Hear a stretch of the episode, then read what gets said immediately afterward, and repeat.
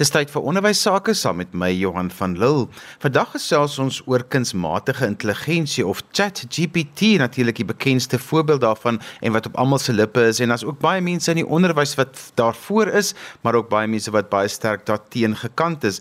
My gas vandag is Celeste Labuskaghni en sy is die vakspesialis wetenskappe en robotika by die skole ondersteuningsentrum.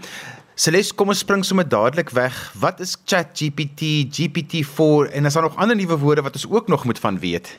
Goeiemôre Johan, baie dankie en welkom ook aan die luisteraars. Ja Johan, ehm um, kom ons begin sommer by KI, jou eerste gedeelte wat jy gevra het. KI staan vir kunsmatige intelligensie en dit is basies wanneer rekenaarsagteware gebruik word om soos 'n mens te dink. Met ander woorde dit neem basies of dit maak basies aspekte van menslike intelligensie na of boots dit na of dit simuleer menslike intelligensie. Met ander woorde jy het 'n rekenaar wat probeer dink en redeneer soos 'n mens met die inligting wat hy tot sy beskikking het. Nou ek gaan net vinnig gou aan vier tipes intelligensie raak net sodat mense besef hoekom party mense bietjie bang raak vir kunsmatige intelligensie of AI. Mens kry reaktiewe masjiene. Nou dit doen basiese bewerkings. Dit stoor nie regtig inligting nie. Dit is maar net iets wat jy 'n vraag vra en hy gee vir jou inligting terug. Dan kry jy beperkte geheue. Nou beperkte geheue het die vermoë om om bietjies data bymekaar te maak en dan deur middel van soos die Engelse sê trial and error gaan hy elke keer vir jou 'n beter antwoord gee of hy probeer verbeter op sy vorige poging. En ehm um, dit is maar goedjies wat ons gewoond is aan mense praat ook van masjien leer. Dan kry mens theory of mind. Nou wanneer ons kom by theory of mind, dan begin dinge bietjie interessant raak en ek het vanoggend met 'n kollega gepraat, grondslagfase spesialis en sy sê vir my 'n mens op 4 jarige ouderdom kry hy eers theory of mind, want dan begin hy agterkom maar daar's ander mense om hom. Dit gaan nie meer net oor homself nie en hy moet met daai ander mense se denke en gevoelens interaksie hê. En rekenaars kan dit ook hê en ons begin nou amper daaraan raak. As ons byvoorbeeld dink aan Alexa en Siri of Google Maps op hierdie stadium kan jy op hulle gil en hulle gaan nie regtig jammer wees vir jou as jy op hulle gil nie. Hulle gaan ook nie regtig aan wat hulle doen verander nie of in hulle antwoord verander nie. Maar dit is waar hulle nou na toe beweeg met sekere van hierdie chatbots ensovoorts wat jou op die ou einde jy gaan vir hom sê nee, jy's nie tevrede met hierdie antwoord nie, dan gaan hy vir jou sê, "Goed, jammer, ek gaan vir jou beter antwoord gee." So dis theory of mind en dit is basies waar ons nou met ChatGPT is. Dan kry mens nog 'n tipe kunsmatige intelligensie en dis die een waarvoor almal bang is en dit is self-aware. Met ander woorde, dit is waar kunsmatige intelligensie die vermoë gaan begin hê om self te dink en self besluite te neem onafhanklik. Nou dit kom gelukkig nog net in stories voor alhoewel daar's 'n paar mense wat al bietjie bang is daarvoor. Ek gaan nou-nou weer daarby uitkom. Nou kom ons kom dan terug na GPT-4 en ChatGPT toe. GPT-4 is die engine en ChatGPT is die kar.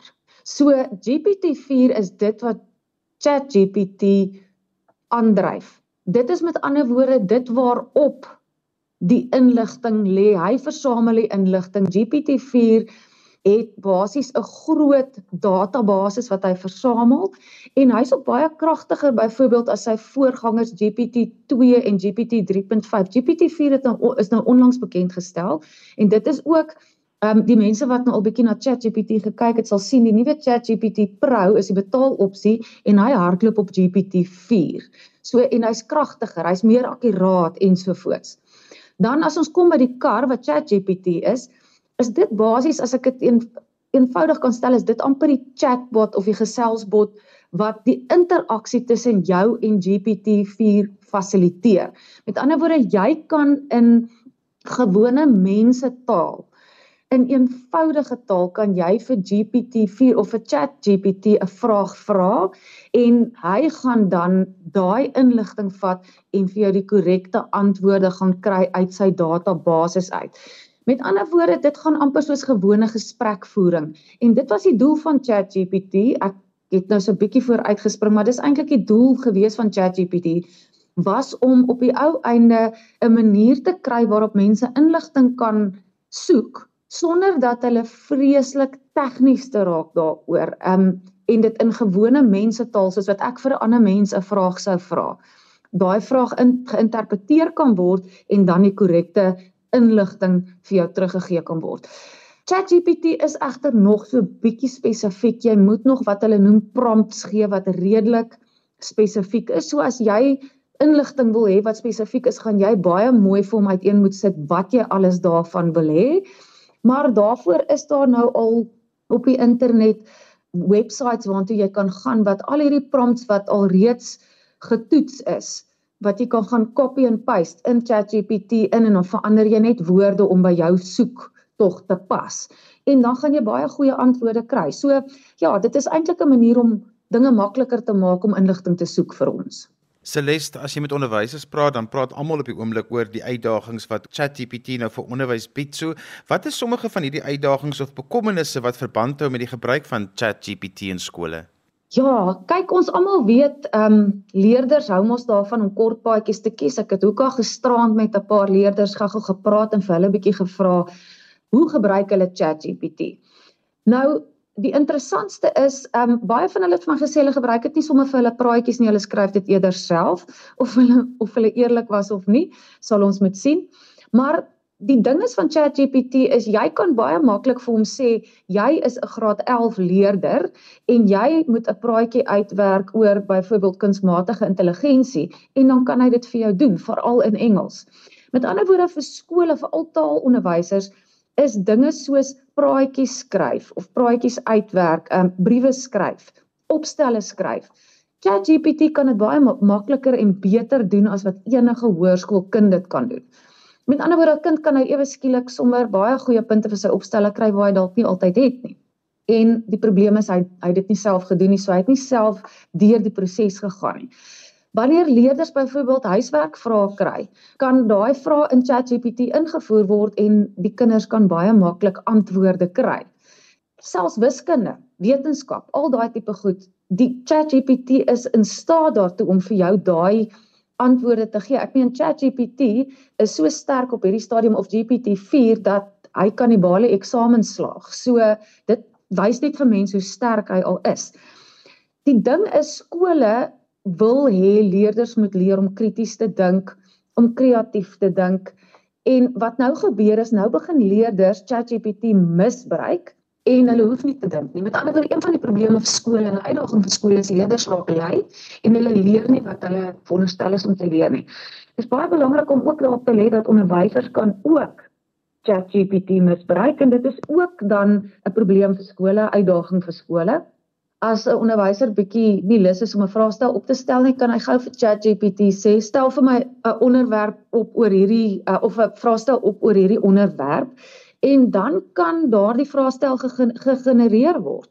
Ehm um, maar die vrae se kwaliteit gaan nie noodwendig goed wees nie en as die onderwyser dit nie na die tyd gaan nagaan nie, gaan hy regtig probleme kry met hierdie ehm um, vraestel wat hy dan nou opgestel het. En ChatGPT kan die memorandum ook genereer soos ek gesê het, ChatGPT se Engels is baie beter as enige van ons Afrikaanse kinders en selfs die Engelse kinders se se Engels op skool.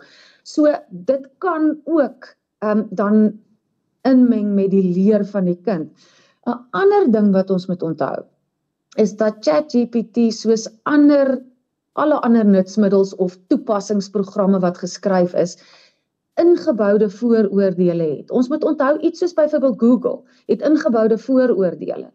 Ehm um, enige soek engine wat jy gebruik het ingeboude vooroordeele in Engels noem hulle dit bias.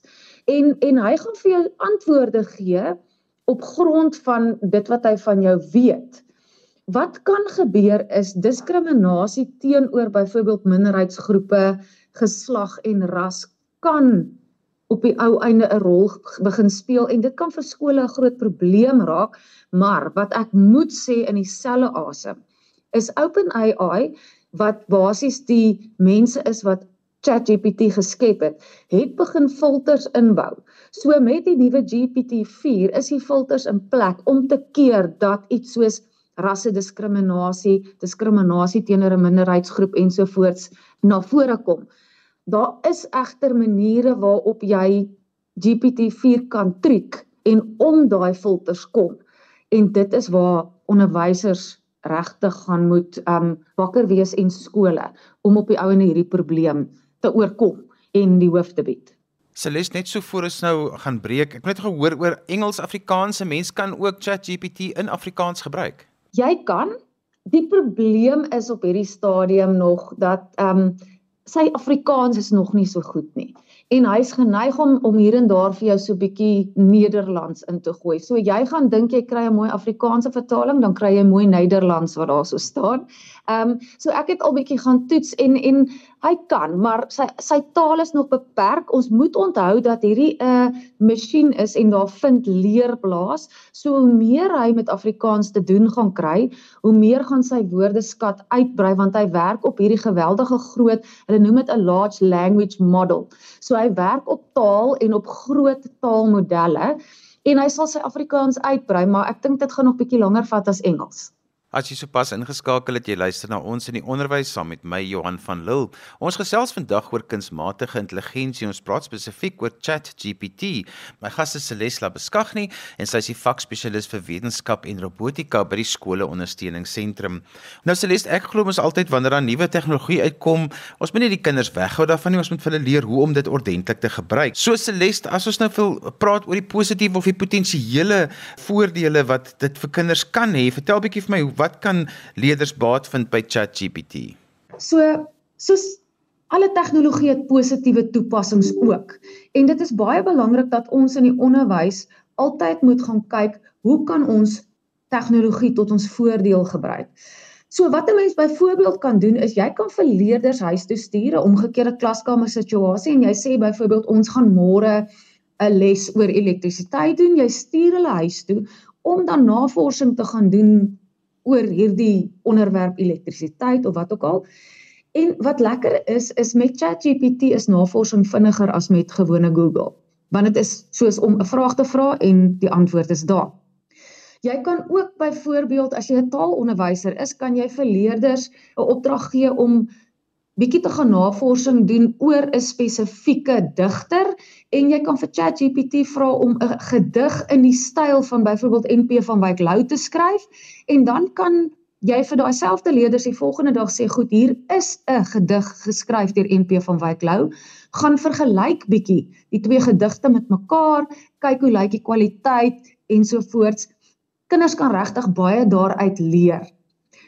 Dan Wanneer 'n mens navorsing doen wat baie belangrik is, is mens moet onthou ChatGPT het inligting wat hy uh, op sy database stoor.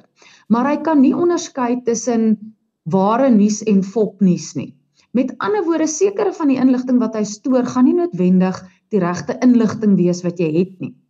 En wanneer jy dan verleerders stuur om te gaan navorsing doen oor 'n onderwerp, kan dit wees dat van die inligting wat hulle ingesamel het nie noodwendig akkuraat is nie jy kan byvoorbeeld dan die volgende dag dat die kinders in die klas gaan sit met 'n betroubare bron en dan daardie inligting wat hulle ingesamel het vergelyk met dit wat hulle by die betroubare bron gekry het en dan bietjie sif in die inligting. Dit gaan hulle ook sommer bietjie leer om nie net alles wat hulle kry voor die voete aanvaar nie en te besef dat iets soos ChatGPT wel swakpunte het. So hulle leer die sterk en swakpunte van ChatGPT dan op die manier ken.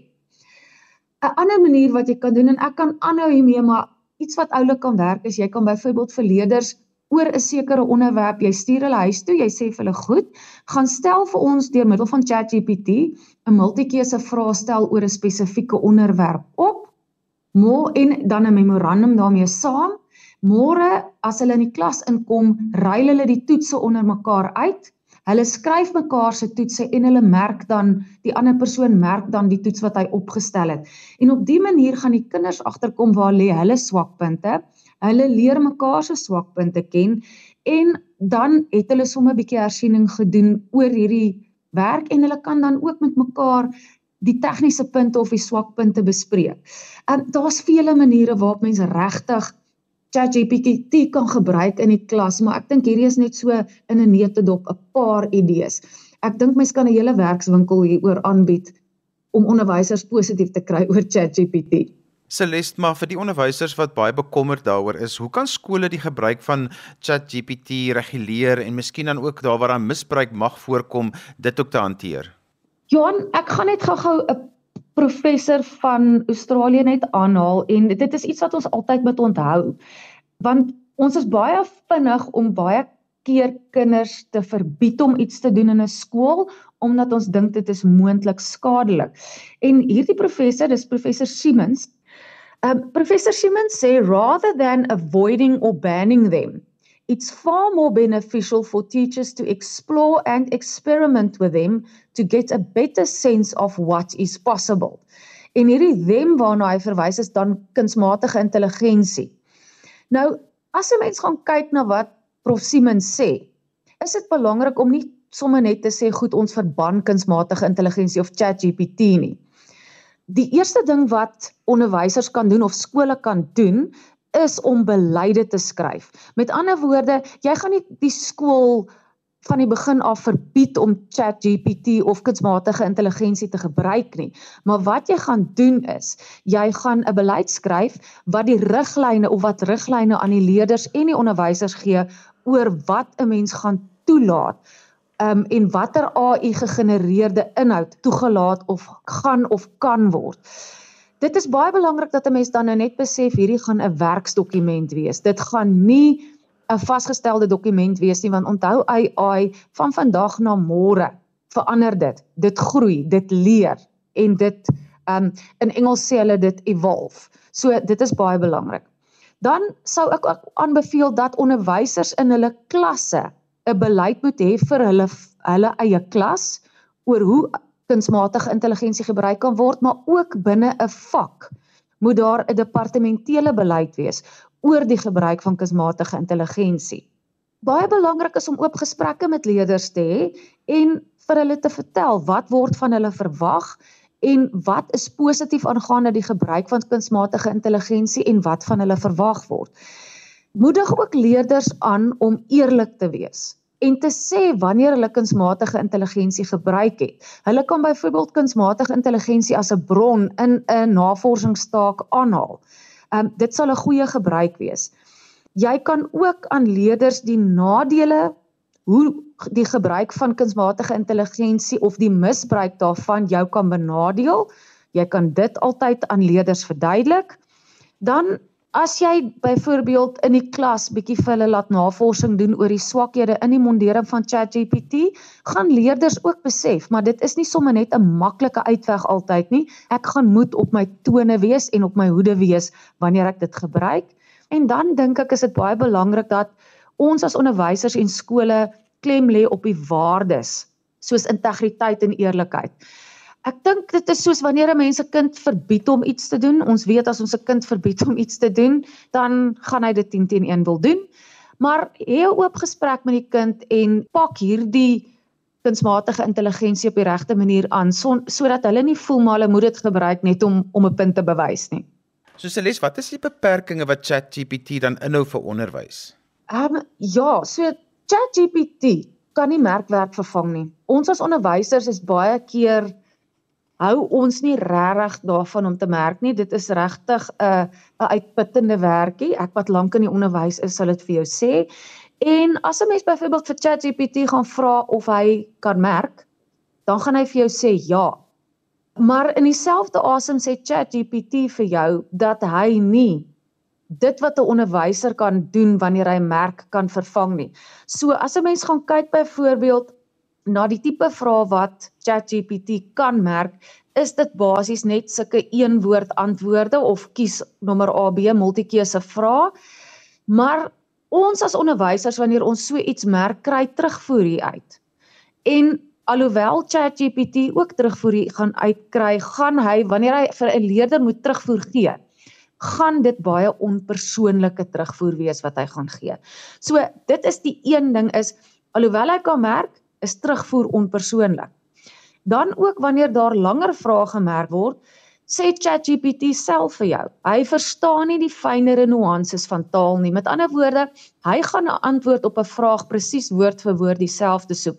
Terwyl wanneer leerders vir jou terugvoer gee in 'n eksamenvraestel, kan hulle dieselfde antwoord wat korrek is op verskillende maniere vir jou teruggee. ChatGPT kan dit nie onderskei nie. Dan ook wat domeinspesifieke kennis aanbetref. Ons moet onthou ChatGPT is nie 'n vakkenner nie. Hy sit met 'n pool van inligting wat hy insamel en hy gaan nie presies weet wanneer daar spesifieke noodsaaklike kennis is van die vakinhoud wat getoets word wat weergegee moet word nie. Met ander woorde, hy kan byvoorbeeld onakkurate punte toeken wanneer dit by 'n spesifieke inligting is wat in 'n toets vereis word.